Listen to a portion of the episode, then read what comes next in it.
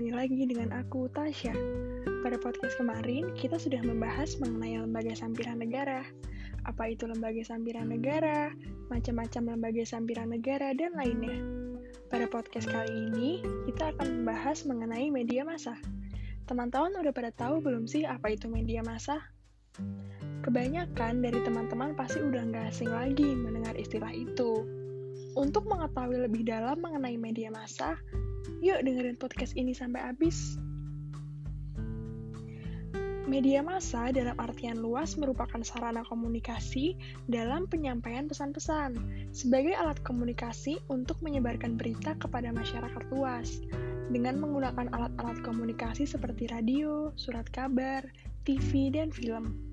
Media massa itu juga merupakan sarana atau alat yang dipakai dalam cara kerja komunikasi massa, yaitu komunikasi yang ditunjukkan terhadap orang banyak. Media massa memberikan informasi perihal perubahan, bagaimana hal itu berjalan, dan hasil yang disampaikan. Sampai sini teman-teman udah pada ada gambaran kan meskipun masih secara singkat? Untuk memahami lebih dalam lagi, media massa itu sendiri tentunya memiliki beberapa karakteristik. Pertama, yaitu publisitas. Media massa itu disebarluaskan kepada masyarakat atau dapat diakses dan dikonsumsi umum atau orang banyak. Selanjutnya yaitu kontinuitas. Media massa itu terbit dengan berkesinambungan atau terus-menerus, sesuai dengan periode mengudara atau jadwal terbitnya harian, mingguan, atau bulanan. Ketiga yaitu periodisitas media massa terbit atau secara konsisten atau berkala. Contohnya harian atau mingguan atau siaran sekian jam per hari. Surat kabar atau koran biasanya terbit harian. Nah, sedangkan tabloid itu mingguan dan majalah itu bulanan. Keempat yaitu akun aktualitas. Media massa itu berisi hal-hal baru seperti info atau laporan momen terupdate seperti berita, tips baru, dan sebagainya. Aktualitas juga berarti kecepatan penyampaian info terhadap publik. Kelima ya, yaitu universalitas. Media massa berisi pesan atau isinya bersifat umum, perihal seluruh aspek kehidupan dan seluruh momen di beragam tempat. Juga menyangkut kepentingan umum karena sasaran dan pendengarnya orang banyak atau masyarakat umum. Selain karakteristiknya, teman-teman juga harus mengetahui isi dari media massa itu sendiri. Nah, isi dari media massa biasanya terbagi dalam tiga varian tulisan, yang merupakan produk wartawan atau macam-macam tulisan wartawan. Yang pertama, yaitu karangan khas.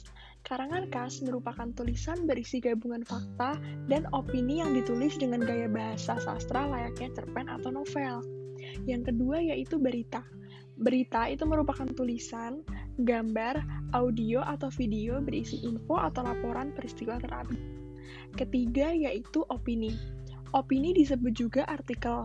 Opini merupakan tulisan berisi anggapan, analisa, review, atau pemikiran perihal permasalahan atau isu aktual. Nah, selain karakteristik dan isi, tentunya media massa itu juga memiliki jenis-jenis. Jenis-jenis media massa, menurut bentuknya, itu terbagi menjadi tiga.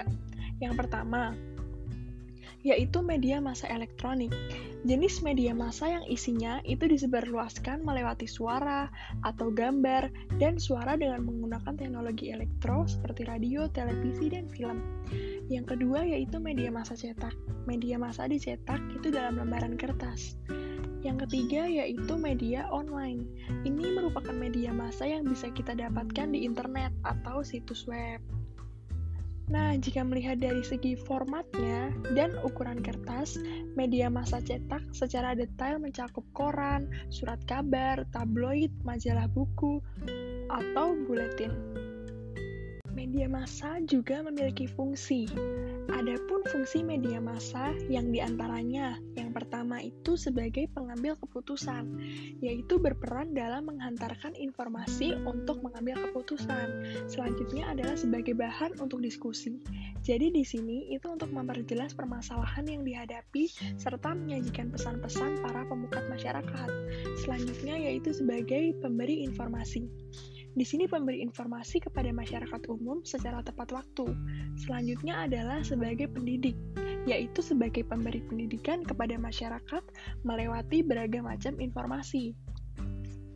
efek dari pemanfaatan media massa ada beberapa efek. Yang pertama yaitu efek afektif, yaitu berkenaan dengan timbulnya perubahan pada apa yang dinikmati, disenangi, atau dibenci siswa. Selanjutnya adalah efek behavioral, yaitu berhubungan pada perilaku nyata yang dapat diamati. Efek meliputi pola-pola tindakan kegiatan atau kebiasaan berperilaku. Selanjutnya yaitu efek kehadiran media massa, yaitu menyangkut pengaruh keberadaan media massa secara fisik. Yang terakhir yaitu efek kognitif, yaitu mengenai terjadinya perubahan pada apa yang diketahui, difahami, atau dipersepsi siswa. Nah, media massa itu tentunya memiliki peran apalagi di era globalisasi. Media massa mempunyai peran penting di era yang serba modern ini. Salah satu peran penting media massa merupakan sebagai penentu identitas suatu bangsa.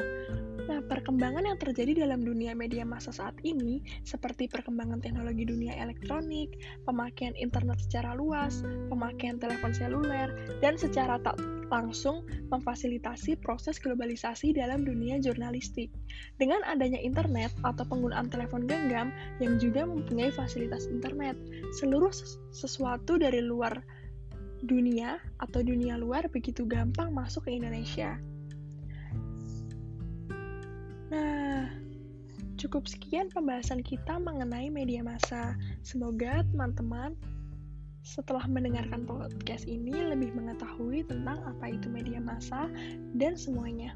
Terima kasih buat teman-teman yang sudah mendengarkan podcast ini sampai habis. Sampai jumpa. Bye.